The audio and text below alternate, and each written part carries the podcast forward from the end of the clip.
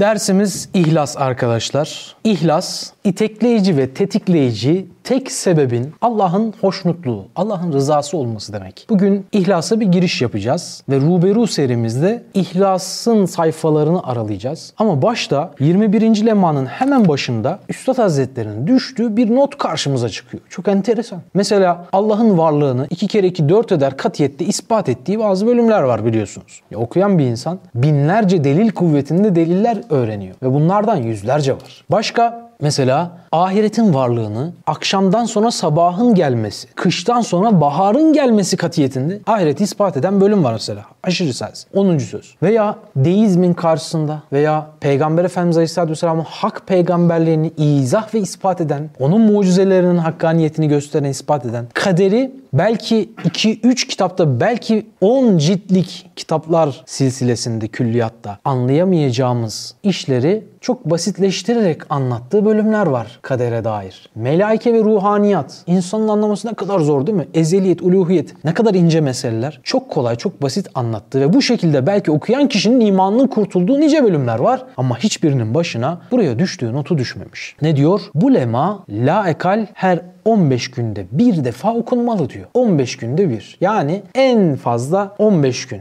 Reçete yazarlar ya kardeşim. Doktor bir reçete yazar sana. Sabah akşam aç karnına, tok karnına alacaksın. Burada da bir reçete var. Üstad Hazretleri'nin kardeşi bunu üstada soruyor. Seyda diyor neden böyle bir not düştün? Yani evrat değil, zikir değil. Niye böyle bir tefsir bölümünü insan 15 günde bir mümkünse okumalı diye bir not düşüyoruz. Ne diyor? Kardeşim ihlas olmazsa insanın okuduğu evrat da boştur, kıldığı namaz da yaptığı ibadet de boştur. Mümkünse her gün oku diyor. Demek ki ihlas bizim için en önemli mesele. Bu kadar kritik. Bilmem bilir misiniz hiç böyle çiftçilikle uğraşan, bağ bahçede herhangi bir şey yetiştiren, tanıdığı olan veya kendisi bu işle uğraşan var mı bilmiyorum. Mesela bir sebze yetiştireceksiniz veya bir meyve bahçesini suluyorsunuz. Bir anda bir ton suyu o bahçeye boşaltsanız ne olur? Ortalık sel olur ve o bitkiler çürür. Ama şimdi bir metot geliştirmişler. O metot sayesinde, damlama metodu sayesinde ne oluyor? Damla damla damla damla. Sen istersen tatile gidiyorsun, istersen başka işlere gidiyorsun. Uzun bir süre o orada damlaya, damlaya, damlaya o bitkiyi besliyor mu? Besliyor. Ve tam ihtiyacına göre. Yani burada bir süreklilik arz eden besleyicilik söz konusu. İşin özünde ne var biliyor musunuz? İnsan telkinatın çocuğudur. İnsanın bir doğuşta geldiği fıtrat var. Bir de telkinatla yakaladığı bir fıtrat var. İnsanın tabiri caizse eğer ikinci fıtratının doğumu telkinle olur demişler. Bu zamanın büyük alemleri. Ne demek bu? Allah'ın insanı yarattığı bir fıtrat var ya. İşte bunu karakter farkları olarak çeşitli ele alan enegram modelleri var.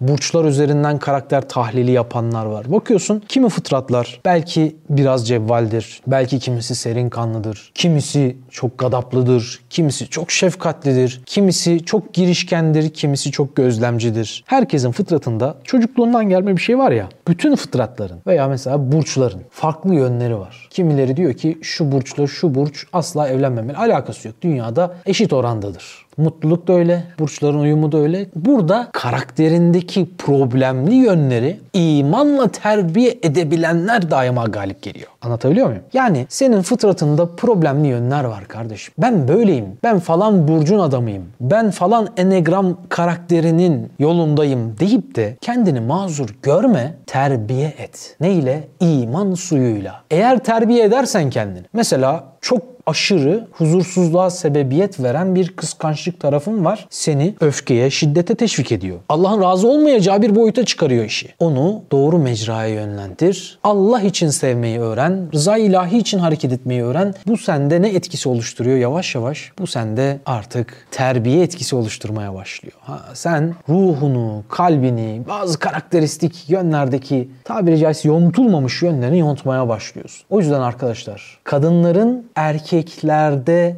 şikayete sebebiyet veren yönlerini imanla terbiye etmesi lazım. Erkeklerin eşlerinde, annelerinde, kız kardeşlerinde şikayete sebebiyet veren yönlerini imanla terbiye etmesi lazım ki bunu devamlı bir telkinatla yakalamak mümkün. O yüzden İhlas Risalesini 15 günde bir defa ruhumuza en az almamız lazım. Bu işin telkinat kısmı damlama modeli bir tarafta dursun. Diğer tarafta ne var Ali biliyor musun? Şimdi namaza dururken ne diyoruz kardeşim ilk başta? Allahu Ekber. Başta zaten bir niyet var ki niyetin özünde ihlas var. Özünün özü ihlastır zaten. Allah için yapmaktır. Millet desin diye değil. Dostlar çarşıda görsün. Bugünün ahlakı maalesef bu. Bunun da üstünde duracağız. Birazdan Riya sayfasını açtığımızda konuşuruz. Önce Allahu Ekber diyoruz. Niye? Dikkat ettiniz mi? Allahu Ekber. Ne demek? Allah en büyük, tek büyük. Yani Allah'ın büyüklüğünden bahsederken başka büyükler vardı. Allah daha büyüktü demek değil en büyük. Türkçedeki çeviri farkından oluşan bir anlam kayması var. Allah tek büyüktür. Allah'ın büyüklüğünden bahsettiğimiz ortamda her şey sonsuz küçüktür değil mi kardeşim? Kur'an'da İhlas suresi var. Öyle değil mi? İhlas suresinde hiç ihlas kelimesi geçiyor mu? Geçmiyor. Neden? İşte düşündünüz mü? Nasıl anlatıyor çünkü orada? Ne üzerine anlatıyor peki? Tevhid. Çok güzel. İhlas tefsirini yapmıştık ve dikkat ettiyseniz İhlas tefsirinde Riya'ya değindik, İhlas'ın önemine de değindik ama meali açıklarken ve onun tefsirini yaparken hep ehad ve tevhid manaları üzerinde durduk. Öyle değil mi? Ha demek ki ihlası yakalatan şey Allah'ın birliğini bulmak, bilmek. Bu da insanda ihsan şuuru doğuruyor ki bu da sohbetimizin sonunda inşallah değineceğimiz husus. Şimdi 20. lemanın hemen başında ki 20 ve 21. lemalar ihlas bahsidir. Biz 21. lemadan devam edeceğiz. Onu bitirdikten sonra biraz fasıla verip sonra 20. lemaya döneceğiz Ruberu serilerinde. Ama 20. lemanın hemen başındaki ayetin bir manasına odaklanalım. Fırat bir okuyabilir misin onu? Bismillahirrahmanirrahim. İnna enzelna ileykel kitabe bil hakkı fa'budillahi muhlisen lehuddin. Ela lillahi dinul halis. Evet, manası şöyle. Rahman ve Rahim olan Allah'ın adıyla muhakkak ki biz sana kitabı hak ile indirdik. İbadetini ihlas ile ona yönelterek sadece Allah'a kulluk et. Bilin ki şirkten ve riyadan uzak, halis din Allah'a mahsustur. Bu işte Zümer suresinde geçen aslında ihlasın, ihsanın ve riyanın hudutlarını bize gösteriyor. Müminin gitmesi gereken cadde-i kübra-i Kur'aniye yani Kur'an'ın büyük caddesini bize tarif ediyor. Başta size sorduğum bir soru vardı. Biraz sonra o sorunun cevabı ile ilgili çok enteresan bir şey söyleyeceğim. Onu da tekrar hatırlatayım ara ara. Şimdi arkadaşlar biraz sonra okumaya başlayacağız. Başlamadan önce size iki tane hadisten bilgilendirme yapacağım. Bunlar çok önemli. Şimdi tabii ki 15 günde bir defa okumamız lazım. Ama bazen okuduğumuzu yeteri kadar anlamayabiliyoruz. O yüzden kelime kelime üstünde durmaya çalışacağız. Paragraf paragraf üstünde durmaya çalışacağız. Manaları deşifre etmeye, anlamaya çalışacağız. O yüzden bu İhlas serisi benim yaptığım en önemli video. Bütün videoların çekirdeği özünde olacak, mahiyetinde olacak. Bu ihlas meselesi doğru anlaşılmazsa hizmette, gayrette, koşturmacalarımızda her şey boşa gider Mahmut. Her şey. O yüzden sizden ricam çok pür dikkat dinlemeniz. Ruhunuzu, kalbinizi, aklınızı ve 300'den fazla manevi duyu organınızı, latifelerinizi açarak dinleyin. Kuru bir sünger nasıl suyu çekiyor? Siz de aynı öyle buradaki ilmi çekin. Şimdi az önce yemek yediniz mesela. Sofraya tok otursaydınız istifade edemezdiniz. Nasıl böyle aç oturduğunuzda iştahla yediniz? Aynen öyle lütfen ilim sofrasına da manevi sofraya da iştahınızı açarak oturun. O yüzden arkadaşlar okuduğunuz sizin değil, anladığınız sizindir. Anladığınız da sizin değil, yaşadığınız sizindir. Yaşadığınız da sizin değil, yaşattığınız sizindir. Rabbim okuduğumuzu anlamayı, anladığımızı yaşamayı, yaşadığımızı da yaşatmayı bir ömür bize nasip etsin. Bir ömür. Yoksa dualarımızda dikkat edelim, bir anlık bir şey istemeyelim. Biz dünya ve ahiret saadetine talipsek onu isteyelim. Şimdi iki tane hadisimiz var dedim. Bunun için şimdi karşımda muhatap kardeşlerim var. Dinleyici iki makamda olmalı. Şu an 20. ve 21. lemada bir muhatap kendiniz olarak kendinizi oturtun. Ben de konuşurken muhatap olarak önce kendi nefsime okumaya çalışacağım. Sakın şu hataya düşmeyin. Biz biliyorsunuz belki onlarca defa çanar altındayı belki yüzlerce defa ihlas dersi yaptık ki her hafta pazartesi günleri değil mi? Hem Ankara şubemiz hem İstanbul şubemiz hem Frankfurt şubemiz akşam 8'de değil mi bizde İhlas Risalesi okuması yapılır değil mi? Herkes sırayla okumak isteyenler birer paragraf okur. Ara ara bunun dersini yapıyoruz. Bak ne kadar çok ele aldığımız bir mesele. Ama şu hataya düşenler oluyor diye ben sıklıkla uyarmışımdır hatırlarsanız. Osman abi falan kişiye nasıl laf çakıyor? Osman abi bana mı laf sokuyor acaba? Bu şekilde dinlediğimiz zaman yani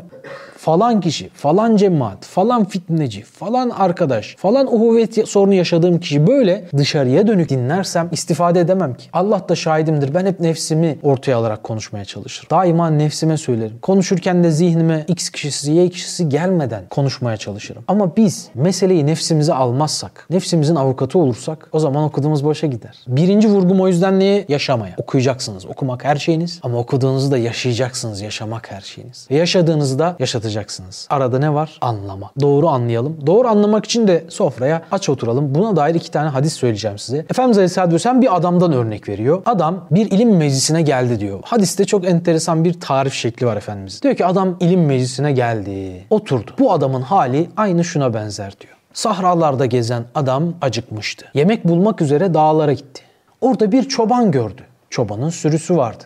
Dedi ki ey Allah'ın kulu ben çok acıktım bana bir şeyler verebilir misin? Adam cömert bir çobana denk gelmişti. Çoban dedi ki tabii ki dedi gel sürümün içerisinde en semiz koyunun kulağından tut getir. Çok sevinçle aç olan adam gitti sürünün içinde bula bula köpeğin kulağından tutarak köpeği buldu getirdi. Allah Resulü diyor ki aleyhissalatü vesselam ilim meclisine oturup da kıymetli sözler dinleyip de oradan sadece kendisine kusurlu bir şey bulup çıkan adamın hali tıpkı köpeği kendine rızık olarak seçen adamın halidir diyor. Demek ki huzma safa dama keder. Biz kendimize fayda veren nasihatı almalıyız değil mi abi? Kendime muhatap seçeceğim yani. Ben dinlemeyi bilirsem bir aptaldan bile bir şeyler öğrenebilirim. Ki kaldı ki ne aptallığı ya. Hikmetin en büyüğü. Kur'an dersleri okunuyor. Demek ki sofraya iştahla oturmak ihlas için en önemli istifade kaynağı olacak. Dikkatle dinlemenizi o yüzden rica ettim. İkinci husus. Bir gün böyle Allah Resulü Aleyhisselatü Vesselam sahabe-i kirama sohbet verirken gözlerini yukarı kaldırıyor, indiriyor. Yukarı kaldırıyor, indiriyor. Sahabe-i kiram soruyor ya Resulallah niçin böyle yaptınız? Allah Resulü Aleyhisselatü Vesselam diyor ki sizler Allah kelamını dinlerken, ilim meclisinde otururken o kadar ihlasla dinliyordunuz ki başınıza gökten sekine indi. Neredeyse bazılarınızın saçını okşayacak kadar size yaklaştı ama içinizden birisi maleyani bir söz söyleyince o sekine indiren melekler kaçtı gitti.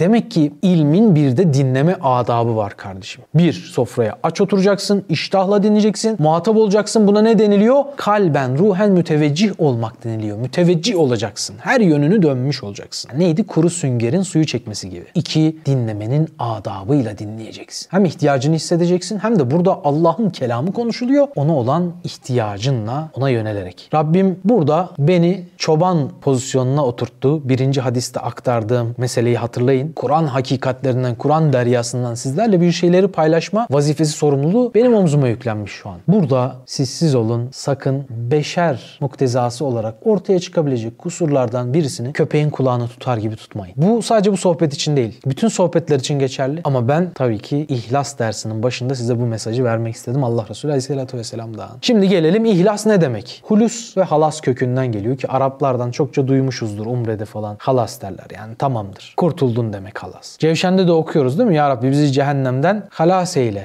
kurtar. İşte ihlas bu kökten geliyor. Kelime manasını lugatı açıp baktığınız zaman şöyle bir cümleyle karşılaşıyorsunuz. Bir şeyi içine karışmış, böylece değerini düşürmüş şeylerden temizleyip arındırmak. Bunun için hatırlarsanız ben süt örneğini veriyorum. Süt nereden geliyor? İneğin memesinden mesela. Nasıl geliyor peki? Ya bakıyorsun ineğin kendisine yiyor. Abi yemyeşil çimen yiyor. Sapsarı ot yiyor. Nasıl bembeyaz süt geliyor? İneğin memesini kessek ne akar? Kan akar, pislik akar, fışkı akar, dışkı akar, irin akar ama süt akmaz. Bakıyorsunuz irin arasından, kan arasından, pislik arasından, fışkı arasından, dışkı arasından bir damla kan, bir damla pislik karışmadan bembeyaz sütü veriyor. Bu Allah'ın mucizesi bize de bir ihlas dersi. İhlas ne demek? Hani halis tereyağı diyoruz ya Ferhat. Halis tereyağı deyince ne anlıyorsun? İçinde bir gram margarin yok mesela. %100 tereyağı. İhlas da ıslah manada bu demek. Başka bir katışık yok içinde. Bizim kullanacağımız terminolojide ihlastan kastımız ne? Allah'ın rızası. Başka bir şey karışmayacak. Sadece Allah için hareket edeceksin. Allah için başlayacaksın. Allah için işleyeceksin. Allah için oturacaksın. Allah için kalkacaksın. Allah için konuşacaksın. Allah için susacaksın. Allah için seveceksin. Allah için öfkeleneceksin. Allah'ın öfkelenmeni istediği şeyde. Evet her şeyi Allah için yapmak riya ve çıkar kaygısından da arınarak yapmaktır değil mi? İsterseniz şöyle 21. lemanın başına geçelim. Ferhat'cığım şöyle bir bize baştan itibaren bir okumaya başla istersen. 21. lema İhlas hakkında. 17. lemanın 17. notasının 7 meselesinden 4. meselesi iken İhlas münasebetiyle 20. lemanın 2. noktası oldu. Nuraniyetine binaen 21. lema olarak lemate girdi. Bu lema lakal her 15 günde bir defa okunmalı. Bismillahirrahmanirrahim.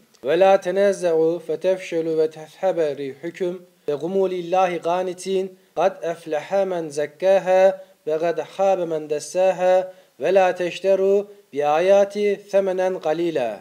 Rahman ve Rahim olan Allah'ın adıyla ihtilafa düşmeyin sonra cesaretiniz kırılır, kuvvetiniz elden gider. Bak ihlastan bahsettiği yerde ihtilafa düşmeyin diye bir şeyle başlıyor. Allah Allah. Demek ki benim şahsi kulluğumla toplum içindeki, cemaat içindeki, Müslümanlar içindeki hal ve hareketlerim, tavırlarım birebir alakalı. Yani ben ne yapmamalıyım? İhtilafa düşmemeliyim. Müslümanlarla birlik ruhu içinde olmalıyım. Evet, Allah için namaza durup kıyamda bulunun. Bak gene ihlasla ilgili Üstad Hazretlerinin seçtiği bir ayete bakıyorsun. Senin amelinle alakalı bir şey söylüyor. Şahsi kulluğunla alakalı bir şey söylüyor. Enteresan bağlantılar var burada. Zaten İhlas Risalesi'nin satır aralarında o kadar çok şey var ki ilerledikçe iyice hayretlere düşüyor insan. Bir diğerine geçelim. Nefsini günahlardan arındıran kurtuluş ermiştir. Nefsini günaha daldıran ise hüsrana düşmüştür. Yani ihlasın kodlarını görebiliyor musunuz? Günah ihlasa mani olan bir şey. Senin kardeşlik hukukunu zedeleyen bir Müslümanın aleyhinde bir hissiyatın, fikriyatın, halin, tavrın ihlasa mani olan bir şey. İhlas senin cennet anahtarın bu arada. Ha? Buna dair bir sürü hadisler delil olarak getirebiliriz. Nefsim kudret elinde olan Allah'a yemin ederim ki sizler iman etmedikçe cennete giremezsiniz. Birbirinizi sevmedikçe de iman etmiş olmazsınız diyor değil mi? Yani ne anladık? Kardeşimi sevmek zorundayım cennete girmek için. Ben falan kişiyi hiç sevmiyorum diyen bazı Twitter'da büyük Müslümanlar görüyorum mesela. Adam gazeteci veya bir şekilde hani bir Müslümanların tanınan kişisi olmuş. Oraya bir not düşürüyor yani. Ahirette aleyhine delil bırakıyor. Sevmiyorum, uyuz oluyorum, gıcık oluyorum. Bu gibi ifadeler bizde de var mı? Var. Herkes kendi nefsini yoklasın. Bütün Müslümanları sevebiliyor muyuz? Ben Müslümanım diyen herkesi sevmek zorundayız. Bir paye bırakacağız. Tabii ki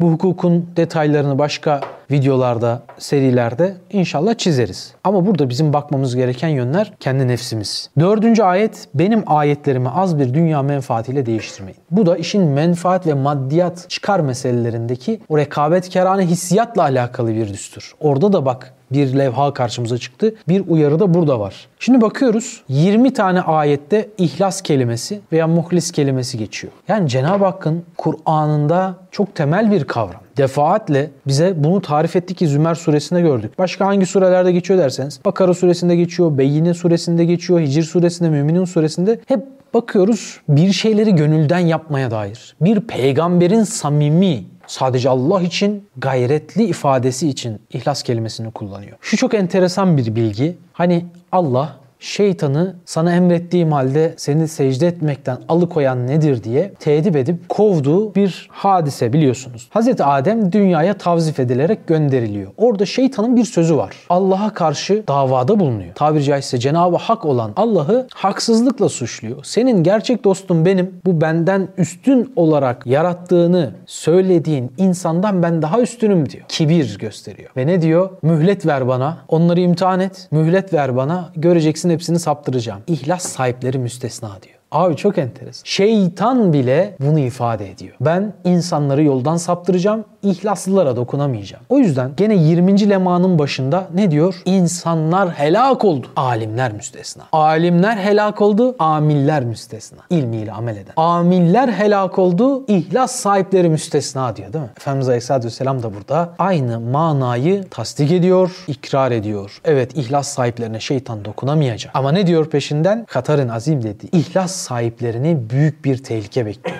Nedir büyük tehlike? İhlası kaybedip kaybetmeme meselesi. Elde tutup muhafaza edebilme meselesi. Ki bakıyorsunuz başına düştüğü kayıtlarda hep diyor ki ihlası muhafaza etmek için şu düsturlara uyun. Anayasa maddesi gibi sıralıyor. Dört tane düstur sayıyor. Onlara inşallah ilerleyen haftalarda değineceğiz. Şimdi biz birinci düstura gelmeden sadece bir fezleke yapacağız. Bir mukaddime, bir giriş yapacağız. Bu ihlasa giriş videomuz. Burada ihlasın mahiyetinden, riyadan ve ihsan şuurundan bahsedeceğiz. İsterseniz şöyle bir Ferhat kardeşim okusun sonra tahlil edelim. Ey ahiret kardeşlerim ve ey hizmeti Kur'aniye'de arkadaşlarım. Bilirsiniz ve biliniz. Bu dünyada hususan uhrevi hizmetlerde en mühim bir esas, en büyük bir kuvvet, en makbul bir şefaatçi, en metin bir nokta istinat, en kısa bir tarik hakikat, en makbul bir duay manevi, en kerametli bir vesile-i makasıt, en yüksek bir haslet, en safi bir ubudiyet ihlastır. Evet burada kalp saffetinden, saffaniyetten bahsediyor. Şimdi arkadaşlar kalbimizi nasıl saf hale getirebiliriz? İhlasla. Bak sıraladığı bütün o vasıflar ihlasın insanına kazandırdığı yüksek meziyetler. Ne dedi? Bu dünyada özellikle uhrevi hizmetlerde. Şimdi hepimiz ahirete yönelik bir şeyler yapıyor muyuz? Ahiret akçesi olarak seccade kumbaramıza atıyoruz bir şeyler. Yaptığımız her secde bir akçe olarak seccade kumbaramıza atıyor değil mi kardeşim? Uhrevi hizmetlerde en mühim bir esas. Yani benim için anayasa. En temel. Değişmez, değiştirilmesi teklif edilemez maddem ne? İhlas. İbadetin ruhu. Ruh olmazsa vücut cesede döner değil mi? Ceset de ölüdür. Demek ki ihlas ibadetin ruhu. Buhari'nin meşhur bir hadisi var. Diyor ki üç tane grup cehenneme ilk atılacak güruhtur. Birinci güruh ya Rabbi sen bana mal verdin ben de bu malı senin için infak ettim sadaka verdim diyecek. Allah diyecek ki yalan söylüyorsun. Sen sana ne kadar cömerttir desinler diye verdin öyle de dediler mükafatı dünyada aldın atın cehenneme. İkinci güruh. Ya Rabbi sen bize can verdin. Biz de bu canı senin yolunda şehit olarak verdik. Allah diyecek ki yalan söylüyorsun. Sen sana ne kadar cesurdur desinler diye yaptın. Öyle de dediler. Mükafatı dünyada aldın. Atın cehenneme. Üçüncü güruh. Ya Rabbi sen bize ilim verdin. Biz de senin yolunda seni anlattık. Allah diyecek ki yalan söylüyorsun. Sen ne kadar güzel konuşuyor, ne kadar güzel anlatıyor desinler diye yaptın. Öyle de dediler. Mükafatı dünyada aldın. Atın cehenneme. Ve melekler o kişiyi perçeminden tutup yüzüstü cehenneme atacak. Bu üç güruh. Bir kişi değil. Demek ki her asırda olabilecek. Allah bizi bu kalp hastalıklarından korusun kardeşim. Ya bu o kadar tehlikeli ki bak. Mesela ikinci güruh olarak saydığım canını verenlerden Uhud Savaşı'nda bir örnek var. Pek çok kişinin sahabe olarak bildiği Kuzman. Ehli iman mesela. Öyle zannediliyor. Ama sahabeler Allah Resulü Aleyhisselatü Vesselam'a ya Resulallah Kuzman ne de güzel savaşıyor dediğinde Allah Resulü ne demişti? Kuzman cehennemliktir. Kuzma'nın yaralandığını görüyor bir sahabe. Başına gidiyor, bakıyor. Diyor ki cennet senin olsun. Ne güzel şehit oluyorsun ve cennete gidiyorsun. Ne cenneti diyor, huriler sizin olsun. Ben hurma bahçeleri için ve kudretimi göstermek için savaştım. Diyor, okun ucuyla hayat damarını kesip intihar ediyor. Böyle ölüyor. O Buhari hadisi dedim ya Buhari biliyorsunuz Kur'an'dan sonra en temel kitaplarımızdan birisidir. Yani Edille-i Şeriye'yi öğrendiğimiz, İslam'ı öğrendiğimiz sahih hadislerden derleme o Buhari'nin eşsiz kitabının ilk hadisi nedir biliyor musunuz? Ameller niyetlere göredir. İnnemel amalü bin niyet. Hatta Riyazu Salihin de böyle başlar. Şimdi neden böyle? Bakın İmam Malik demiş ki ben 60 bin fetvayı sadece bu hadisten çıkararak verdim diyor. Bu kadar yönlü. E ki zaten insan niyetine göre tartılır ki Üstad Bediüzzaman da diyor değil mi? 40 senelik hayatımda, 30 senelik tahsil hayatımda öğrendiğim 4 kelimedir diyor. Mana ismi, manayı harfi. Yani bir şeye sadece zahiri olarak bakmak, bir de Allah'ın sanatı olduğu hesabıyla bakmak. Üçüncüsü diyor nazar. Dördüncüsü ne? Niyet diyor. Niyet o kadar önemli ya. Seyyiat hasenat hasenat seyyiatı çeviriyor. Hatta rivayette var değil mi? Bir tane böyle susuz bir ortamda bir adam geliyor, bir kuyu buluyor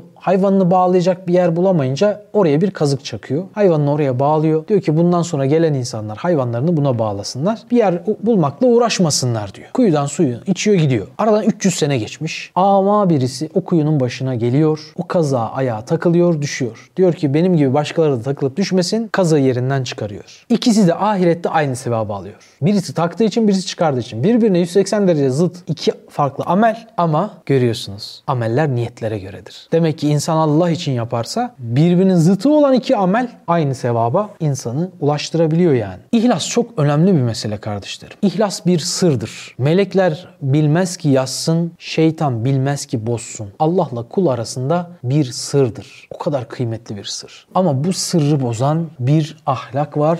İhlasın önünde duran çok büyük bir tehlike. İhlasla kazanacağımız şeylere baksana. Yani Allah için bir iş yaptığında bunu eğer ihlasla yaparsan, tam manası, tam ihlasla yaparsan bak senin için en büyük kuvvet, en büyük esas, en makbul bir şefaatçi. Yani sen işlerinde böyle sana yardım edecek, şefaat edecek, ahirette de şefaatçi olacak böyle bir amele ihtiyaç mı duyuyorsun? Hatta gene Buhari'de geçen mağarada kalmış 3 kişi vardı ya anlatmıştım. Mağaranın kapısına bir kaya düşüyor yağmurda sığındıkları mağaranın. Üçü de bir amelini söylüyor. Ya Rabbi bu amel eğer senin katında razı olduğun bir amelse mağaranın kapısını aç diyor ve herkes ihlasla yaptığı o ameli referans gösterince mağaranın kapısındaki dev kaya bu duaların peşi sıra. Önce bir parça sonra bir, biraz daha sonra komple açılıyor. Başka hiçbir itekleyici güç yok orada. İhlas. Demek ki ihlas bu kadar kıymetli. Şefaatçin olsun istiyor musun kardeşim? Benim şeyhim şu kadar şefaatçi birisi olsaydı da bana şefaat etseydi. Kardeşim ihlas böyle sanki en kerametli bir şeyh gibi senin şefaatçin olacak. En makbul bir de şefaatçi yani. En büyük bir kuvvet. Abi kuvvete ihtiyacımız var mı? Bazen çok aciz kalıyoruz değil mi? Güçsüz kalıyoruz. Kuvvete ihtiyacımız var. Bu kuvveti bize sağlayacak şey ne? İhlas. İhlas. İhlas bu kadar önemli ya. Allah Allah. En metin bir dayanak noktası. En metin bir dayanak noktası. Nokta istinat. Abi insanın babası vefat edince sırtını yaslayacak bir şey arıyor ve bulamıyor. İşte ihlas bütün kimsesizlerin kimsesi olan Allah'a senin sırtını yaslıyor. Ondan daha sağlam bir dayanak noktanız yok kardeşim. Yok şu kadar politikayla ilişkilerim iyi, şu kadar siyaset arkamda, şu kadar para gücü arkamda, medya gücü arkamda. Bunların hiçbirisi bir kıymet ifade etmez Allah arkanda değilse. Eğer ihlası elde edersen o zaman en kuvvetli bir dayanak noktası elde ettin kardeşim. Peki Allah'ı nasıl arkamıza alacağız? Nasıl dayanak noktası? İşte ihlası elde etmekle. İhlası nasıl elde ederiz? Abi ben burayı bin kere okusam ihlası elde eder miyim? Başta ne demiştik? Yaşamak lazım. Ve yaşatmak. Yaşamak ve yaşatmak meselesinde yaşatmak kısmına seni taşıyan şey de zaten buradaki kodları uygulamak. Birebir nasihatler var mı burada Fırat? Var. Birinci düstur, ikinci düstur hepsini ele alacağız. Müthiş böyle. Her derste gerçekten çakralarımız açılacak. Beynimizde böyle havai fişekler patlayacak gerekirse. Yani hakikaten ihlas beni en çok okuduğum risale olmasına rağmen en çok etkileyen Risaledir diyebilirim. Elhamdülillah. Bugün gene size ders yapacağım diye okudum. Hayretler içinde kaldım ya. Sanki ilk defa okuyor gibiyim ya. Her hafta. Bazen haftada iki kere okuyoruz. Buna rağmen abi okurken sanki ilk defa okuyor gibi açıldı böyle. Allah Allah dedim ya Rabbi. Nasıl tespitler, nasıl Kur'ani düsturlar. Müthiş. İnşallah geleceğiz. O kadar kuvvetli bir dayanak noktası ki. İhlasla hareket et kardeşim. Ne diyor bir yerinde mesela? Samimi bir ihlas, şerde dahi olsa neticesiz kalmaz. İhlasla kim ne isterse Allah verir diyor. Süper ya. Hani diyorlar ya işte sihirli bir değneğim olsaydı dünyaya barışı getirirdim. Kardeşim ihlası elde et. Sihirli değnekten milyon kat daha etkili. Abi şimdi Çınar Altı'nın mesela tadilat sorunu var. Giderleri var. Giderleri karşılamıyor, sıkışıyor. Maddi problemleri var değil mi? İhlasa o zaman çağırıyorum. İhlasa yönelelim kardeşler. Biz ihlaslı olalım. Allah yolları açacaktır. Oranın mülkümüz olması hayalini kuruyoruz değil mi? Ev sahipleriyle daima 11 yıldır problemler yaşaya yaşaya. Artık çok kati bir surette emin olduk ki bizim mülk edinmemiz lazım. Yani bu bir araç tabii ki amaç değil. Bir araç. Ama bunun hikmetini anladık yani. Ne kadar hizmetin önünü açacak veya hizmeti streslerden, sıkıntılardan kurtaracak ve hizmeti akamete uğratan adres değişikliklerinden bizi kurtaracak bir hususmuş. Bunu anladık. Bunun duasını ediyoruz değil mi? Nasıl olacak? Parayla mı? Hayır. Garip. İhlasla olacak. Bugüne kadar kimin parasıyla oldu, kimin maddi gücüyle oldu? Siz ihlaslı olmaya çalıştınız. Allah yardım etti. Yardımcılar gönderdi. Allah'ın çok farklı yolları var kardeşim. Bir kapısı yok. Hadsiz, nihayetsiz kapısı var Allah'ın. Ama siz yeter ki ihlaslı olun. Aklınızda kurcalamayın. Yani olmazları zorlamayın. Nasıl olur? Yani Allah'a zor değil. Allah isterse Allah'ın ne kulları var onları aracı eder. Değil mi? Allah isterse sana memlekette toprağı kazarsın altın buldurur yani. Samimi ihlas o kadar önemli. Zaten 3. düsturda inşallah buna değineceğiz bol bol. Rabbim bize ihlaslı olmayı nasip etsin. O da nasıl olacak? Yani ben ihlasa niyet edince olur mu ihlas? İşte hastaya reçete yazıyorsun. Bin kere okusa o reçeteyi ama ilacı içmese. iyileşir mi? İyileşmez. Bazen anlamak yetmiyor. Yaşarken ekstra biraz çaba göstermek ve sabretmek gerekiyor. Başka kodlar da işin içine giriyor yani. Çünkü Allah bazen ilaç içtiğimizde de şifa vermeyebilir. Çünkü başka etkenler vardır. Çevresel etkenler, faktörler vardır. Bunları inşallah konuşacağız. O kadar çok konu var ki ben de hani ilerlemek istiyorum bir yandan ama her satırda beni cezbeden manalar var. Ne kadar sürerse sürsün arkadaşlar devam edeceğiz. En kısa bir tarih hakikat. Şimdi hakikate ulaşmak istiyor musun Resul? Hakikatin özüne ulaşmak istiyor musun? Hakikatin özüne ulaşanlardan birisi mesela Hazreti Ali. Ne diyor? Kalp perdeleri kalksa Allah'a imanım artmaz. Yakinim ziyadeleşmez değil mi? Niye böyle söylüyor? Çünkü öyle bir noktaya gelmiş ki daha ötesi daha şeyi yok ki Allah'ı görüyor gibi iman ediyor zaten. Buna ne diyoruz? İhsan şuuru diyoruz işte zaten. O hakikate ulaştıran Hazreti Ali'nin o iman seviyesine, noktasına, ufkuna ulaştıran şey ne? İhlas. Kestirme bir yol bulsan seni hakikate kavuşturacak. Girer misin? Öyleyse hayat gayeniz bu olması lazım. Hani ne için yaşıyorsun meselesi burada devreye giriyor. Ne için yaşıyorsun? Ya en makbul bir duayı manevi, en makbul bir manevi dua. Ne? İhlas. Manevi bir dua. Ne demek bu? Yani bir maddi dua var. Açıyorsun ellerini ya Rabbi ver. Bu ne yaptın? Kalinle, lisanı kalinle, dilinle yaptığın dua. Bir de lisanı halinle yaptığın dua var. O da ihlasla oluyor. Öyleyse ihlasla kim ne isterse Allah verir satırlarını okuyup da açıp ellerini ya Rabbi ver demenin bir de devamı var. O başlangıç. Devamı nasıl? İhlasla yaşamak. Birinci düsturda bize söyleyecek onu. İhlasla yaşamak. Bu seni ne yapıyor? En makbul bir, en kerametli bir, en kısa bir, en etkili bir yola sokuyor. Bak ne dedi? En kısa bir tarih hakikat, en makbul bir duayı manevi. Manevi dua ettiriyor. Fiili dua, manevi dua. Hiç manevi duanız oldu mu? Belki şimdiye kadar oldu da fark etmediniz. Manevi dua ne demek ya? Demek ki abicim ihlasla kimse oturduğu yerde öyle bir özgün ağırlık teşkil ediyor ki adeta bütün kainat onu böyle anahtar deliğinden izler gibi izliyor. Adeta onun etrafında bir rezonans oluşuyor. Öyle bir haleti ruhiyeye giriyor ki Ya Rabbi, Ya Rabbi yeter ki ümmet kurtulsun. Beni cehenneme al, bedenimi büyüt. Öyle büyüt ki hiçbir kimseye, hiçbir Müslümana yer kalmasın. İşte ihlastan arkadaşlar kitaplarımızda şu detayı okursunuz. Enteresandır ki Hz. Ebu Bekir'in Allah derken ciğerinden yanık et kokusu gelirmiş. Nasıl bir acaba kerametvari bir hal mi bu?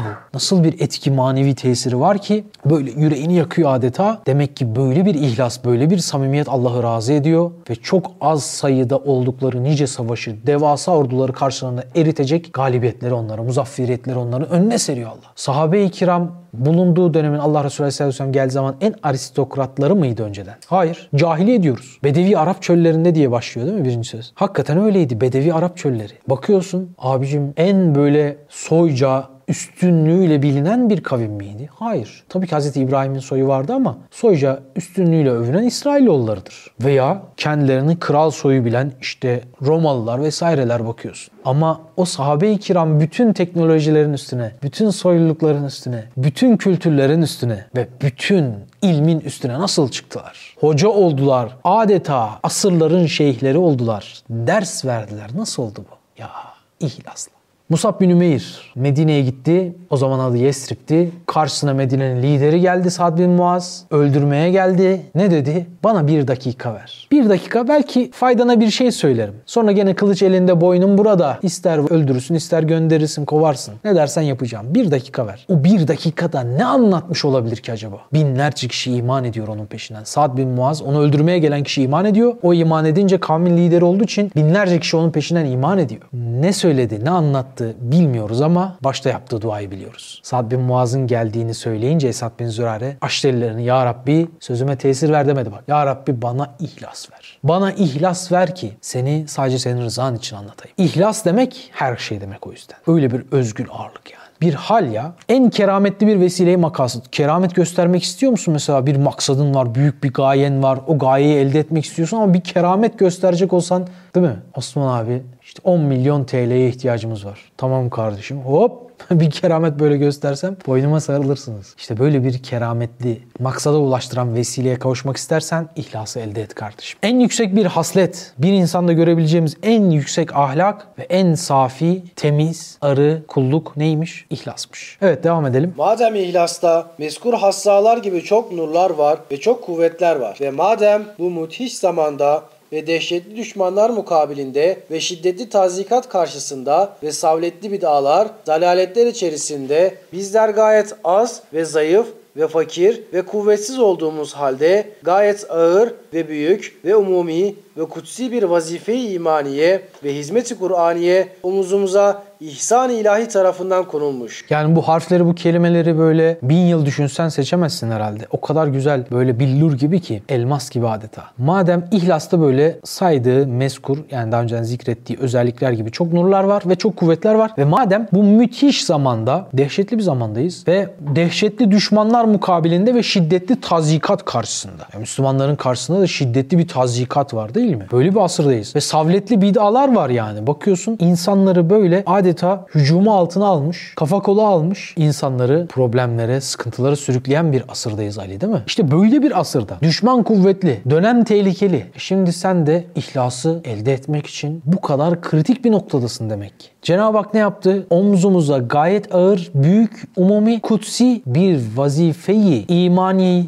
ve Kur'an hizmetini bir ihsan olarak koydu. Bir hediye olarak. Devam edelim. Elbette herkesten ziyade bütün kuvvetimizde ihlası kazanmaya mecbur ve mükellefiz. Ve ihlasın sırrını kendimizde yerleştirmek için gayet derecede muhtacız. Yoksa hem şimdiye kadar kazandığımız hizmet-i kutsiye kısmen zayi olur, devam etmez, hem şiddetli mesul oluruz. Şiddetli bir mesuliyet de var burada kardeşlerim. Yani biz elde etmek zorundayız. Sayımız az. Düşmanın sayısı çok. Hem etkili hem asır tehlikeli bir sürü problemler var. Yani bütün bu dezavantajlarımızı avantaja çevirebilecek bu kadar kutsi bir silah elimizde varsa o ihlası benim elde etmem her şeyden, herkesten daha önemli. Ekmek, sudan, ilaçtan daha fazla benim için ihlas önemli ve kıymetli. Bugün mesela Filistin olaylarında bunun kıymetini, önemini yaşayarak da görüyoruz değil mi? Evet. Yoksa ne olur? Eğer elde etmezsek o zaman şimdiye kadar kazandığımız bütün her şey de heba olur, zayi olur, devam da etmez. Hem şiddetli de mesul oluruz. İhlaslı bir dirhem amel, ihlassız batmanlar dolusu amelden üstün kardeşim. Sen bir ton iş yap, milyonlar takipçiye ulaş, binler içerikler, videolar üret, insanlara vesile de ol hatta ama şu oturduğum kürsüden ihlasımı kaybederek inersem, insanların takdir etmesi hoşuma giderse o zaman mahvolurum abi. Vesileniz olduğum cennete girdiğinizde beni orada bulamazsınız. Allah muhafaza. O üç güruhtan hatırlıyorsunuz. Bir güruh neydi? Allah için anlatan, anlattığını sanan. Ama maalesef Allah için değil de desinler diye. Ne güzel konuşuyor ya. Ne güzel takipçisi var. Ne çok beğeni almış, ne çok izlenmiş. Allah muhafaza kardeşim. Bakın gene 20. lemadan bir alıntı yapacağım. Teveccühü naz. İnsanların beğenisi istenilmez. Belki verilir. Verilebilir. Verilse de onunla hoşlanılmaz. Hoşlansa ihlası kaybeder.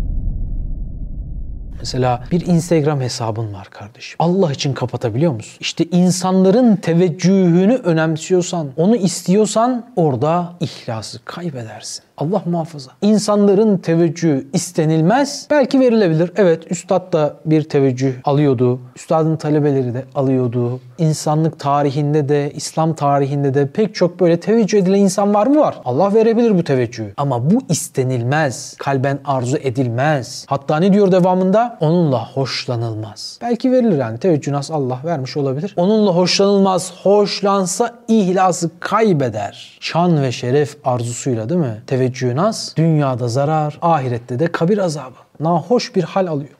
Ya kardeşim sadece yani ihlası kaybettirmiyor sana kabir azabı olarak da karşına çıkıyor. Öyleyse diyor ihlası kıracak şeylerden yılandan akrepten kaçtığın gibi kaç. Öyle kaçıyor muyuz? Yani insanların senin bir amelini görmesi buna muttali olması, senin teheccüde kalktığından haberdar olması, insanların sendeki bir ekstralığı görmesi senin hoşuna gidiyor mu? Kalbini hemen çek et. Başka güzel bir sohbet yaptığında takdir. Hoşlanıyor musun bundan? Övgülerden memnun oluyor musun? Aferin müptelası mısın? Takdir zehrine mi müptelasın? Alkolik gibi adeta takdir kolik mi oldun? Allah muhafaza. Şöhret aynı riyadır. Kalbi öldüren zehirli bir baldır diyor. Peki riya ne abi? Biraz sonra da gene değinecektik ama hani riya o kadar tehlikeli ki Şeddat bin Evs Allah Resulü'nden bir hadis aktarıyor bize. Ümmetim için korktuğum iki şey var diyor. Birisi gizli şehvet, diğeri gizli şirk. Ya Resulallah gizli şehveti anladık. Gizli riya nedir diyor. Gizli şehvet insanın diğerlerinin yanındayken, cemaatin içinde, insanların yanındayken iffetli, namuslu, ahlaklı davranması ama yalnız kaldığı zaman şehvetinin kurbanı olması bazı günahlara girmesi. Gizli şirk nasıl? Allah Resulü diyor ki gizli şirk riyadır diyor şirki hafi. Ve bunu bir başka hadisinde şöyle tarif ediyor. Karanlık bir gecede siyah bir taşın üstündeki siyah bir karıncanın ayak sesinden daha gizli olan, daha ufak olan riya bile şirktir diyor. Ve bu şirk sizin cennete girmenize engel olacak bir husus. O yüzden ihlas bu kadar önemli yani. Kalbimizde zerre kadar kibir bulunursa cennete giremeyeceğiz ya. İşte gösteriş amellerini boşa düşürüyor. insanı müflis yapıyor ya. Riya arkadaşlar kalbin kiridir. Nasıl ki İslami fıkha göre kıyafetimizde bir necaset bulunsa, bir kir bulunsa namazımız kabul olur mu? Olmaz. Sende olmayan, kıyafetinde bulunan bir necaseti bile namazın kabulünün önüne engel olarak koyan Allah kalbinin içinde olan kire izin veriyor mu zannediyoruz? İşte kalbin kiri olan riya amelin de imanın da kabul edilmemesine sebep oluyor. Böyle bir tehlike ya. O yüzden bizim riyanın devası olan ihlasa, ihlasın da kaynağı olan ihsana ihtiyacımız var. Yani ihsan ne demek? Bir gün Cibril hadisidir bu meşhur herkes bilir belki. Cebrail aleyhisselam bir gün sahabe-i kiram bulunduğu bir mecliste üstünde sefer alameti olmaksızın Allah Resulü aleyhisselam karşısına geldi. Dizini dizine dayadı. Allah Resulüne bazı sorular sordu. Allah Resulü cevap verdikten sonra bir de tasdik etti. Sahabe-i kiram da şaşırdı. Bir, hem soruyor hem de tasdik ediyor. Bu kişi kim? Şaşırdılar. O çıkınca Allah Resulü dedi ki bu Cebrail size öğretmek için böyle yaptı. Bu soruları sordu. Ne sormuştu orada? İslam nedir? İhsan nedir? Kıyametin tarihi nedir? Bunları sordu. Allah Resulüne ihsanı sorduğu zaman Allah Resulü ne dedi? Allah seni görüyormuş gibi yalnız kaldığında dahi o şekilde hareket etmen. Daima Allah'ın seni görüyor olduğu şuuruyla hareket etmen. Biliyorsunuz Allah Resulü Aleyhisselatü Vesselam bir gün evinde oturuyor. Rivayetteki tarife göre hafiften böyle baldırı da açılmış yani. Biraz rahat oturuyor. Hazreti Ebu Bekir giriyor içeri. Efendimiz Aleyhisselatü Vesselam nesi olur? Hem dostu olur hem de kayınpederi. Giriyor içeri. Hazreti Ayşe anlatıyor bize. Efendimiz Aleyhisselatü Vesselam toparlanmıyor. O çıkıyor söyleyeceğini söyledikten sonra. Hazreti Ömer giriyor izin isteyip. Allah Resulü gene toparlanmıyor. Gene söyleyeceğini söyleyip çıkıyor. Bu sefer Hazreti Osman'ın izin istediği söylenince Allah Resulü hemen toparlanıyor. Üstünü düzeltiyor. Buyursunlar diyor. Hazreti Osman geliyor, söyleyeceğini söylüyor, çıkıyor. Hazreti Ayşe soruyor. Ya Resulallah babam geldi, toparlanmadın. Ömer geldi, toparlanmadın. Niye Osman'da toparlandın? Allah Resulü ne diyor? Meleklerin haya ettiği kimseden benim de haya etmem gerekmez mi? Melekler ondan haya ediyor. Bir insan düşünün ki melekler bile, haya sahibi melekler bile ondan haya ediyor. O kadar yüksek bir hayası var. Hazreti Osman'a bunu soruyorlar. Allah Resulü senin için böyle dedi. Ne özelliğin var ki? Hazreti Osman hayret etti. Bilmem ki dedi. Ben de hepiniz gibiyim. Hepiniz gibi yaşıyorum. Hepiniz yaptıklarını yapıyorum. Ne farkım var ki? Ha bir tek şu var dedi. Ben sizin yanınızda nasılsam Rabbimle baş başa kaldığımda da öyleyim. İhsan şuurunu bize tarif etti Hazreti Osman.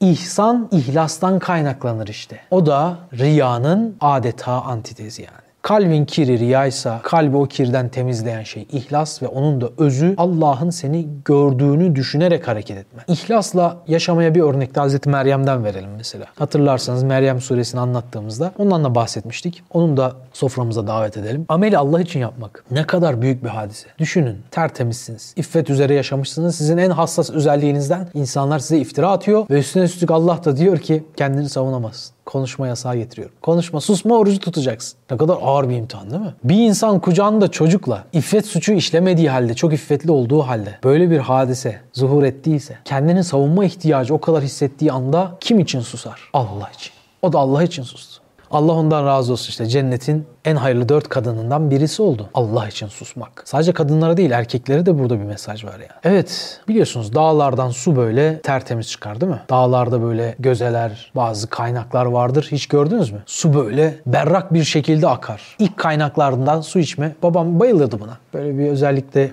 balığa falan gittiğinde veya bir dağa çıktığı zaman mutlaka böyle bir su kaynağı gördüğünde hemen gider oradan su içerdi. Çok severdi. Ben de severdim de tifo oldum bir kere. Burnumdan geldi içtiğim su. Berbat oldum. Ondan sonra içmemeye başladım ama babam çok severdi. O şimdi dağların kaynağından çıkan su ne kadar güzel, tertemiz, berrak. İşte bak bu da dediğime delil. Sonra ne oluyor? O su abi topluma karışıyor ya. Kurbağalar yuva yapıyor. İşte bir takım hayvanlar ya tuvaletini yapıyor ya ondan faydalanıyor. Yosunlanıyor. Bir şeyler oluyor. Bir şeyler karışıyor. Topluma karıştıkça o su kirleniyor. İşte ihlas da böyle kardeşim. İlk başta o ineğin memesinden çıkan süt gibi bir gram riya, bir gram kibir, bir gram enaniyet, benlik, hot vuruşluk karışmadan bembeyaz bir süt gibi gönülden çıkması gerekir. Öyle akar gelir. Riyadan onu korursun. Ucuptan onu korursun. ibadetini beğenmekten onu korursun. Pek çok şeyde onu korursun. O zaman tertemiz bir süt gibi açığa çıkar. Ama gün içinde ne yapıyoruz? Kendimizi beğeniyoruz. Elini ayağını beğeniyorsun. Aynaya bakıyorsun yüzünü beğeniyorsun. Analar ne aslanlar doğuruyor diyorsun aynaya bakınca. İnsan kendini beğeniyor değil mi? Sözlerini beğeniyor. Fikirlerini beğeniyor. Şu dünyada en çirkin adam kim bilmiyorum. Onu getirsen hiçbirinize göz gözü gelmemeye çalışıyorum ama. en çirkin adam bile muhtemelen kendini beğeniyordur yani. Birbirinizi niye işaret ediyorsun? İhlas işte. Şimdi kardeşim gün içinde halimizi, tavrımızı, azalarımızı, düşüncelerimizi, sözlerimizi beğeniyoruz ya. Allah bizi bizden iyi bildiği için bize reçete sunuyor. Çünkü kibriya benim ridamdır. Onu kimseyle paylaşmam diyor Allah. Ona ait. Ekber o. En büyük o. Tek büyük o. O yüzden sana layık olan ne? Allahu Ekber deyip bunu kabul edip ihlas üzere namaza durman. Her harekette bakarsın rükuda Allah'a boyun eğmek. Secdeye başını günde 80 defa tozlu halılara vurmak suretiyle başını bir çekiç yapıp istikamet çivisini çaktırıyor sana. Ne yapıyor? Bu çok kibir taşıyan başı döve döve döve adam ediyor. Allah bizi namazla istikamete çekiyor ihlası çekiyor. Öyle ki o namazda söylediğimiz şey var ya. İyyâke na'budu ve iyyâke nesta'in. Bizi tam hizaya çeken şey. Size bir hikaye anlatayım. Ahmet bin Hanbel'e bir çocuktan şikayet ediyorlar. Anne babası. Genç. Sabaha kadar Kur'an okuyormuş. Bu asırda var mı öyle gençler? Diyeceksin Ahmet bin Hanbel var mı ki ona götürelim böyle bir çocuk. Ne Ahmet bin Hanbeliler kaldı diyeceksin ne böyle çocuklar. Vardır illaki öyle. İnşallah Rabbim çınar altında en azından onun benzerleri var. Sabaha kadar olmasa da yatmadan önce 5 dakika. Sayılırsa diyorsun.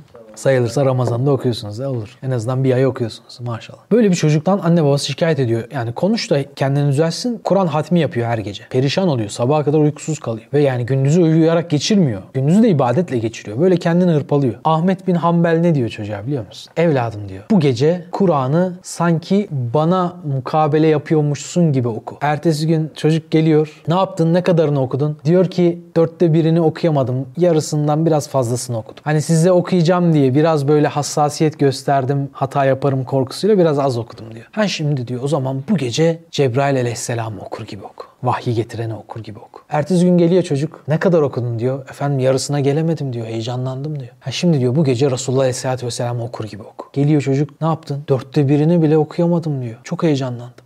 Bu gece bizzat Allah'a okur gibi oku. Ertesi gün çocuk geliyor. Ne yaptın? Vallahi diyor Fatiha'yı bile bitiremedim. İyyâke na'budu ve iyyâke nesta'in dedim. Yalnız sana ibadet eder. Yalnız sana kulluk eder. Yalnız senden yardım isteriz. Dedim paramparça oldum. Okuyamadım. Yalnızca Allah'a mı ibadet ediyoruz? Kulluk hallerimiz yalnızca Allah'a mı? Yalnızca Allah'tan mı hakiki manada yardım istiyoruz? İhlası tam elde edebildik mi yani? Yoksa işin içine desinler de karıştı mı? El alem sevgisi de karıştı mı? El alem ne der? Millet ne der? X hocam ne der? Babam ne der? Annem ne der? Dedem ne der? Komşum ne der? Ya böyle araya şeyler girmiş. Engeller. O yüzden İhlas suresinde dedik ya hiç ihlas kelimesi geçmiyor. Hep tevhid anlatılıyor. Hep tevhid, hep tevhid. Bunun önemi inşallah anlaşılmıştır. Şimdi Melih, diyelim ki bir ticaretin var tamam mı? Bir eleman çalıştırıyorsun, bir satın alma müdürün var. Bu da senin sermayen olan 10 milyon TL'yi işletiyor. Gitti bundan bir kar elde etti. Götürdü bu karı senin rakibin olan bir başka şirketin patronuna verdi. Bundan hoşnut olur musun? Olmazsın değil mi? Ne kadar sinirlenirsin? Ceza vermek istersin. Yani götürdün bütün karımızı ona mı verdin yani? Bir ay boyunca emek harcadık. Durduk yere götürdün karımızı bir başka adama verdin. Sen benim için çalışıyorsun. Niye ona verdin? Hırsızlık bu dersin değil mi? Sinirlenirsin. Bu örneği kim veriyor biliyor musunuz? Yahya peygamber. Yahya peygamber bu örneği veriyor. Diyor ki siz nasıl böyle bir şeyden hoşlanmazsınız? Allah da kendisine şirk koşulmasından böyle hoşlanmaz. Siz hem Allah'ı kabul edecek hem de ona şirk koşacak. Onun ortağı var mı diyeceksiniz. Ya Evet, ihsan şuuru arkadaşlar bu kadar önemli. Riyanın tedavisi dedik ya, ihsan ne oluyor? Şimdi burada sorumuzu tekrar hatırlatayım. Neydi sorumuz başta sorduğumuz? Yarın öleceğini bilsen amelinde bir değişiklik olur muydu? Bunu tabiinin imamları söylemiş biliyor musunuz? Kim için söylemiş? Sahabeler için söylemiş. Ne demişler biliyor musunuz? Onlar yarın öleceğini bilseler vallahi hayatlarında hiçbir şey değişmezdi. Çünkü onlar her an ölecekmiş gibi yaşıyorlardı. Biz ne kadar çok şey saydık değil mi? Hayatımızda şu değişir. O dedi ki infak ederim abi. Öbürü dedi ki abi başımı secdeden kaldırmazdım. Öbürü dedi ki helallik isterdim. Şunu yapardım bunu yapardım. Hepiniz bir şeyler saydınız değil mi? Hayatta normalde yapmadığınız ekstra kulluklar, ibadetler yapardınız. Madem son günüm maksimum kazançla geçireyim. Sahabe-i kiram yarın öleceğini bilse hayatında hiçbir şey değişmezdi. Çünkü zaten öyle gibi yaşıyordu. Şimdi anladık mı sahabe nasıl malının hepsini tasadduk edebiliyor? Nasıl infak edebiliyor? Sana çizgi film gibi geliyor değil mi? Ya nasıl bir şey ya bu? Allah Allah çizgi roman gibi yani fantastik bir karakter gibi. Sanki böyle bir hikaye dinler gibi dinliyor. Hiç kendimize hisse almadan gidiyorsak ihlas meselesinde dersimizi tam alamamış olmaz mıyız? Evet o yüzden sahabeye biraz benzemeye çalışalım ki şu ihlası kalbimize sokmaya çalışalım ki biraz ihlası yaşamaya çalışalım ki riyaya kapılar kapansın. İhlası elde edelim. ihsanı elde edelim. Allah'ın razı olduğu kullar zümresi zümresine girerek dünya ahiret saadetine kavuşalım. Biz dünya ahiret saadetini ne zannediyoruz? Ayağına taş değmeyecek, hasta olmayacaksın, musibete uğramayacaksın, ahirette kazanacaksın. Bu dünyada da bir sürü paran olacak, maddi imkan olacak, saadet, rahat içinde yaşayacaksın. Allah'ın razı olduklarına bakıyoruz. Onlar dünyada zorluklar yaşamışlar. O yüzden bizim meselemizin ihlas olduğunu, ihlasın da nefsin hoşuna gitmeyen şeylerde gizli olduğunu anlamamız lazım. Nefsin hoşuna gitmeyen şeylerde gizli. O yüzden riyanı gizleyeceksin, üstünü örteceksin. Hatta Nabi ne demiş? Allah'a dua etmek için ellerinizi açın ama daha sonra kendinizi tövbenize layık bir şekilde gizleyin diyor. Amin derken. Yani bu aminin şaircesi neymiş? Kusurlarından utanmakmış. Utanan adam ne yapar? Yüzünü gizler değil mi? Ya ne kadar şairane bir bakış. Ve la teşteru bi ayati semenen galile. Yani ayetlerimi az bir dünya menfaatiyle değiştirmeyin. Ayetindeki şiddeti tehditkerane nehi ilahiye mazhar olup saadet ebediye zararına manasız, lüzumsuz, zararlı, kederli, hotfuruşane, sakil, riyakerane, bazı hissiyat-ı sufliye ve menafi cüziyenin hasırı için ihlası kırmakla hem bu hizmetteki umum kardeşlerimizin hukukuna tecavüz, hem hizmeti Kur'ani'nin hizmetine taarruz, hem hakaiki imaniyenin kutsiyetine hürmetsizlik etmiş oluruz. Evet yani ayette çok şiddetli bir uyarı var. Sakın dünya menfaatiyle mesela parayla, maddi menfaatle değiştirmeyin Allah'ın ayetlerini. Bu ne demek abi biliyor musun? Çok bariz bir ders. Sohbete çağrılıyorsun. Bir tarafta da dünya menfaatin var. Onu değil de öbürünü tercih edersen ne olur? Dünyayı ahirete tercih etmiş oluyorsun işte. Her gün bu imtihanlar karşımıza çıkıyor ve çıkacak. 13 senedir iman ve Kur'an yolundayım şu an bu videoyu çekerken. Allah kabul ederse bir mücadelenin içindeyiz. Allah etrafımıza böyle halis kardeşler topladı. Onların ihlaslarıyla pek çok yolda Allah önümüzdeki engelleri kaldırdı etti. Şimdi ihlasın bizim temel anahtarımız olduğunu hep söyledik. Arkamızda bir güç yok. Ne siyasi, ne ticaret, ne cemaat. Hiçbir şey gücü yok arkamızda. Böyle bir yapılanmış, organize olmuş bir güç yok.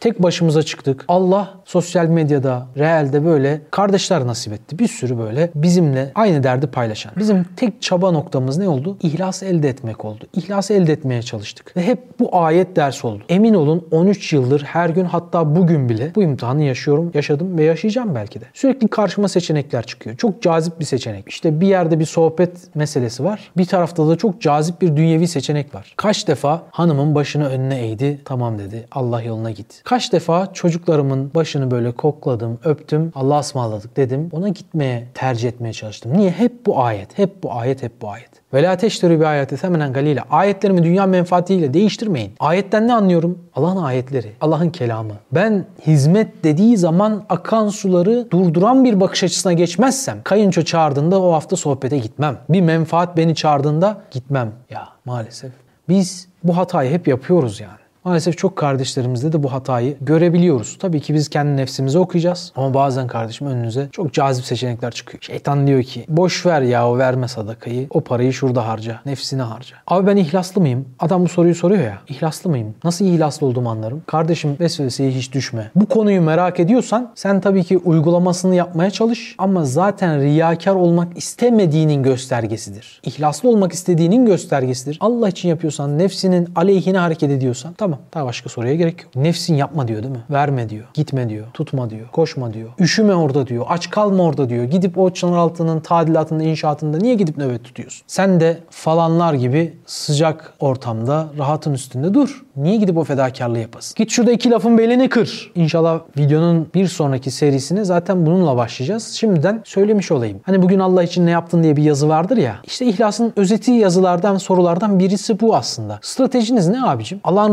rızasını nasıl kazanmayı düşünüyorsunuz? Allah'ın huzuruna çıktınız. Neyle razı edeceksiniz Allah'ı? Esas meseleniz bu değil mi? Allah'ı ben nasıl hoşnut ederim? Kainat yoktan var eden, her şeyi hükmeden Allah'ı nasıl hoşnut edeceğim? Bakın şuna buna bakma. Falan kişi ne güzel sohbet yapıyor. Ben ona kalben taraftarım. Şu bu. Tabii ki bunlar değerli şeyler ama sen birey olarak yani Allah'a amelin olarak hesap vereceksin. Ne amelin var ya? Amel defterinde, CV'nde ne var? Bir bak. Ne yaptın? Stratejin ne? Planın ne? Ben Allah'ı şöyle yaparsam razı ederim. Bak battal. Bu planı olmayan kardeş biz orada kardeşlerimiz soğukta, yorularak, üşüyerek, tadilatta mücadele ederken gidebilme seçeneklerinin hepsini gitmeyerek şurada çay içerek, kahve içmeyi tercih ederek geçirir. Değil mi? Böyle bir stratejisi olsa kafasında otomatikman ne diye düşünür? Herkes kendi nefsine dinlesin ben de kendi nefsime. Ne diye düşünmemiz lazım? Ya ben Allah'a nasıl razı ederim? Tuvalet biraz pisti bir temizleyeyim. Nefsime zor geliyor çünkü bunu Allah için yapacağım yapar yaparsam. Nefsimin payı yok istemiyor nefsim. Bunu Allah için yapacağım o yüzden. Yani nefsin istemediği şeylerde gizli Allah'ın rızası. Bakın Hazreti Osman'a Allah Resulü ihtiyaç var dediği zaman hani biz bugün nasıl diyoruz? İhtiyaç var kardeşim. Ne için ihtiyaç var? 11 yıldır hiç istemedik. Hiç bunu gündeme getirmedik. Ama artık böyle bir yer bulduk. Gelin ümmete burayı hediye edelim. Buranın mülkünü alalım. Gelin gayret edelim. Şuranın tadilat masraflarını karşılayalım. Çözelim diye aynı. Yani bir numunesi olarak söylüyoruz ya. O gün Allah Resulü Aleyhisselatü Vesselam söylemişti onu. Biz de onun ondan ilhamen yani. Ondan öğreniyoruz. Şimdi Tebük seferi, zorluk ordusu 30 bin asker var. Hazreti Osman el kaldırdı 100 asker dedi. Allah Resulü tekrar sordu. Tekrar kaldırdı 100 asker, 100 asker, 100 asker. 100 askerin bütün masrafları. En son günün sonunda 10 bin askeri atına, devesine hatta diyor devenin yularını bağladığı iğnesine kadar Hazreti Osman teçhiz etmişti. Kaç milyar dolar tutuyor biliyor musunuz? Bir ara hesaplamıştık. Müthiş bir servet. Tasadduk ediyor. Onun canı istemez miydi dünyevi şeyleri harcasın, zevki sefa etsin? Ya bugün de var öyle kahramanlar. Rabbim sayılarını arttırsın. Ama azlar işte. Abdurrahman İbni Avf bir başkası işte ihlas bu abi, ihsan şuuru bu. Allah razı olsun. Allah ve Resulü hoşnut olsun. Mesele o. Getirdi serveti önüne döktü çuvalla. Allah Resulü'nün şöyle yaptığı rivayet ediliyor böyle altın avucunu alıp alıp döktü. Allah Resulü'nün altına karşı hiç ilgisi olmamış. Ama orada din için, İslam için sevinmiş. Biz de böyle olmalıyız. Şahsımıza hiçbir şey istemiyoruz. İstemedik istemeyeceğiz de. Ama İslam için doğru üslupla, doğru şekilde istemeyi Allah Resulü bize öğretiyor. Hırsla değil, bıktırarak değil, minnet ettirerek değil. Böyle bir projemiz var tabiri caizse. Bununla, güzel niyetlerle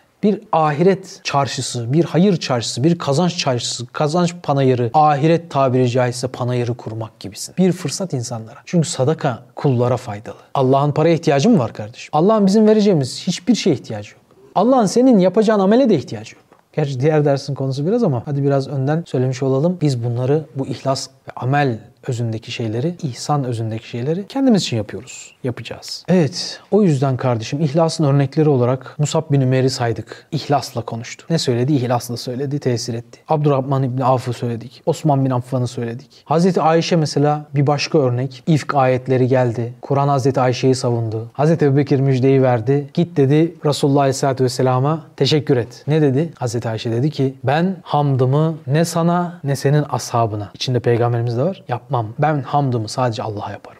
En kritik anlarda bile doğru duruşu sergileyebilmek. Anamız ne kadar istikametli bir ana. Yani hakikaten yoluna canlar feda. Böyle bir ana Ayşe anamız. Size bir başka sahabeden örnek vereyim. Vesile İbni Eska Kab bin Ücre isminde bir sahabeden gidiyor at istiyor. Diyor ki param yok. Cihada gitmek istiyorum. Binek lazım. Bana atını ver. Ganimetimi komple sana vereceğim. Ganimet kaç tane at eder? Ganimetimi komple sana vereceğim. Şehit olursam da Allah icrini kabul etsin. Ne yapalım? Kabul mü kabul. Gidiyor. Şehit olmuyor. Başka zaferlere de mazhar oluyor. O ganimetleri de alıyor getiriyor. Bir ganimet değil. Üç ganimet getiriyor. Allah Resulü Aleyhisselatü Vesselam'dan payını alıyor. Götürüyor ona Kab bin Ücre. Kab bin Ücre diyor ki ben baştan niyetimi almıştım zaten. Kardeşim bunlar senin Allah yolundaki Allah bütün ecrini de kabul etsin. Bu da benim ecrim olsun. Bunu kabul et diyor. Bunlar senin olsun diyor. İki sahabeden iki harika duruş. Ben onlara hayranım yani. Vesile bin Eska da harika bir duruş sergiliyor. Kab bin Ücre de harika bir duruş sergiliyor. İkisini de Allah onların ruhundan razı olsun. Belki de cennetle müşerref kılmıştır. Bir tarafta onlar, bir tarafta biz. Parası olmayan kardeşlerim abi işte zengin değiliz. Onlardan örnek veriyorsun. Biz ne yapalım derse bakın ihlasın özündeki ihsanı gösteren çok örnekler var. Ulbe bin Zeyd bunlardan birisi. Çok defa anlatmışımdır belki de. O Tebük seferine herkes gidiyor. O da her gün geliyor Allah Resulü Aleyhisselatü Vesselam yanına. Sahabeler ona isim takmışlar. Ağlayan diyorlar ona. Sabaha kadar ağlarmış biliyor musunuz? Ya Resulallah silahım yok, kıyafetim yok, zırhım yok, atım yok. O kadar kaç günlük yola bir aya yakın mesafe. Gideceğim bir binek ver ben de katılayım cihada. Allah Resulü yok diyor.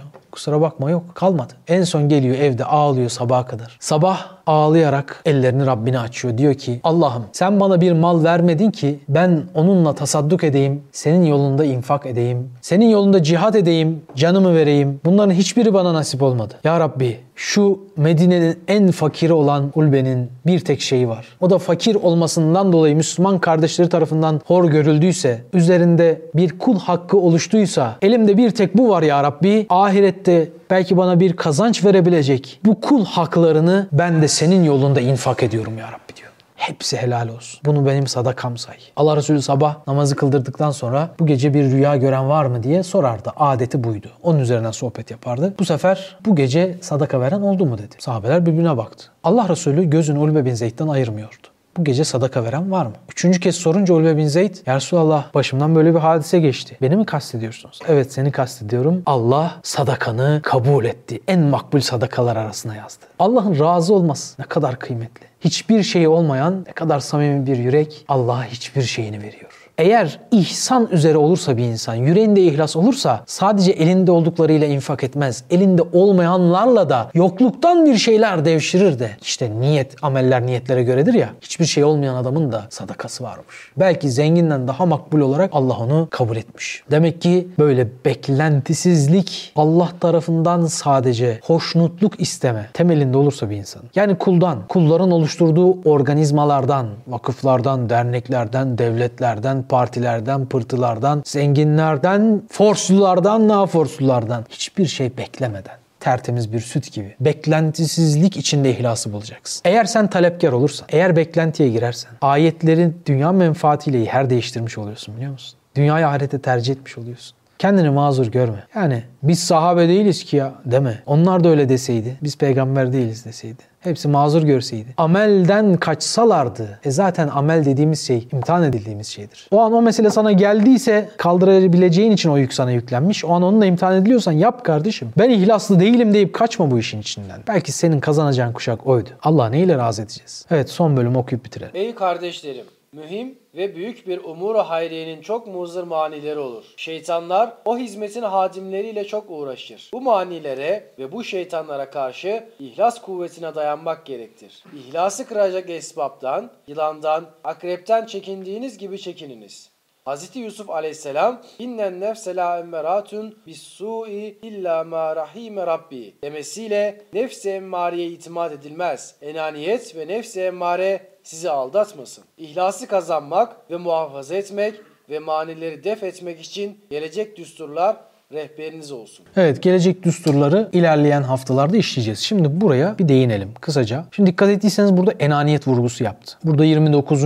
mektubun Desize-i Şeytaniye adı verilen 6. risalesinde 5. Desize-i Şeytaniye. Neydi o? Enaniyet bahsi. Kur'an ben demeyiniz biz deyiniz diyor. Ene ile gelmeyin nahnü ile gelin diyor. Enaniyeti kabul etmiyor diyor. Enaniyetin hiçbir şekli, hiçbir versiyonu kabul değil kardeşlerim. Enaniyeti bırakmak, ezmek, öldürmek zorundayız. Bu konuda çok zor bir mücadele biliyorum. Enaniyet, benlik. Takılıyoruz bir şeylere değil mi? İşte birilerine takılıyoruz, bir şeylere takılıyoruz. Bu hep enaniyet kaynak. Bir insan niye alınganlık gösterir? Bir insan niye öfke gösterir? Bir insan niye kuvvetsizlikler gösterir? Hep enaniyet kaynaklı. Hep ihlas kıran her şey enaniyet kaynaklı. Bana 13 senelik tecrüben ve işte baban 70 yaşında vefat etti. Onun iman hizmetlerinde, Kur'an hizmetlerindeki tecrübeleri, onların arkadaşları yani büyüdüğüm o iman ve Kur'an yolunda ya ben çocukluktan biliyorsunuz bu işin içine doğdum yani. Bir 7 sene kopukluk yaşadım sadece. 28 yıllık benim de bir Risale-i Nur tetebbuatım var sayılır. Doğduğumdan beri sohbetlerin içindeyim. Kaç versiyonda gördüm. Abi tek kelimeyle özetle bütün problemleri dersen enaniyet derim. Enaniyet.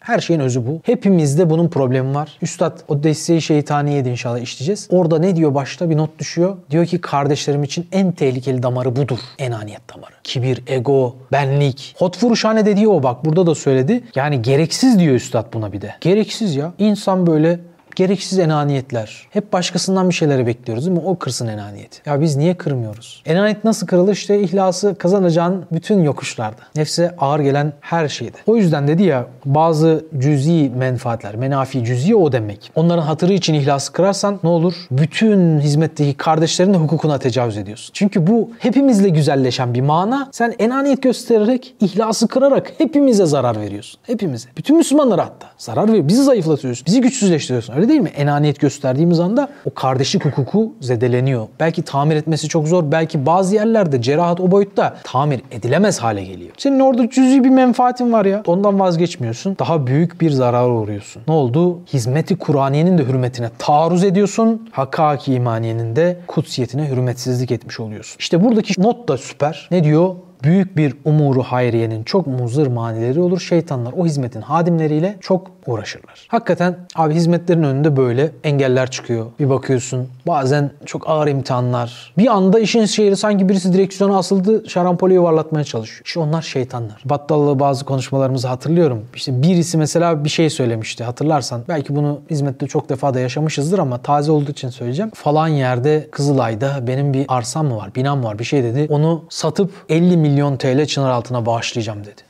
Mesela bazen böyle bilmiyorum belki bir hevesle, belki hakikat, belki hakikat değil. Böyle şeylerle karşımıza gelen çok oluyor. Ama bizim bildiğimiz net bir bilgi var. Öyle kolay lokma, kolay çorba önümüze gelmez. Şeytanlar bu hizmetin hadimleriyle uğraşır. Hizmetin önündeki büyük hayırlara mani olmak için kırk taklalar atar. Evet şeytanlar çok uğraşır ve ne diyor? Bu manilerden korunmak için ihlas kuvvetine dayanmak gerekiyor. İhlası kıracak şeylerden yılan akrepten kaçtığın gibi kaç diyor. Nefis daima kötülüğü emreder. Allah'ın korudukları müstesna. Yusuf Aleyhisselam'a gönderme yapıyor. Burada da çok büyük bir sembolik mesaj var. Yusuf Aleyhisselam'ın hayatı hep zorluklarla doludur. Onun hayatı ihlasın ta kendisidir. Bazen kuyulara atılırsın, bazen köle diye satılırsın, bazen iftiraya atılırsın, bazen böyle zindanlara atılırsın. Bin bir türlü çilelerden geçersin ama Allah demekten vazgeçmezsin. İşte o ihlasların neticesinde mükafatı kavuşacaksın. Hakiki saadet kabrin arkasında ona hazırlan yani. Senin derdin beklentisiz olmak olmalı ya. Bak sahabelere bak, üstadın talebelerine hep böyle çetrefilli hayatlar. Bir bakıyoruz bize abi rahat koltuklar, rahat halılar üstünde. Biz böyle paşaya bir şey beğendiremiyoruz.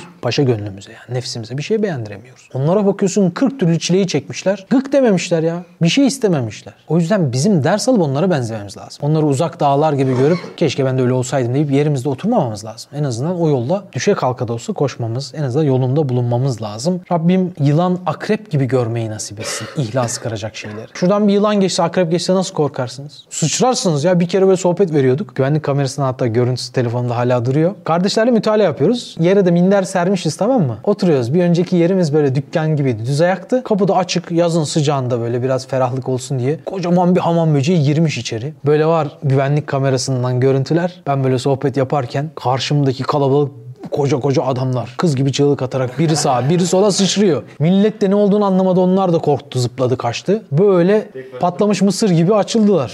Abi ne oluyor dedim bir tane böcek girdi içeri. Dedik işte aynı bundan korktuğunuz gibi ihlas kıracak şeylerden korkmanız lazım. İhlas kıracak şeyler ne abi? İlerleyen inşallah derslerde göreceğiz. İşte aferinler, takdirler, beğenilmekler, mükafatlandırılmaklar, beklentiler değil mi? İhlas kıracak şöhret gibi duygularımız var. Çok tehlikeli şeyler var. İnşallah bunları ilerleyen haftada işleri. Subhaneke la ilme lena illa inneke entel alimul hakim ve ahiru davahum elhamdülillahi rabbil alamin. El Fatiha. Osman Sungur Yeke'nin yeni çıkan Hadi İnşallah kitabını Nüve Pazar, DNR ve kitapyurdu.com'dan satın alabilirsiniz.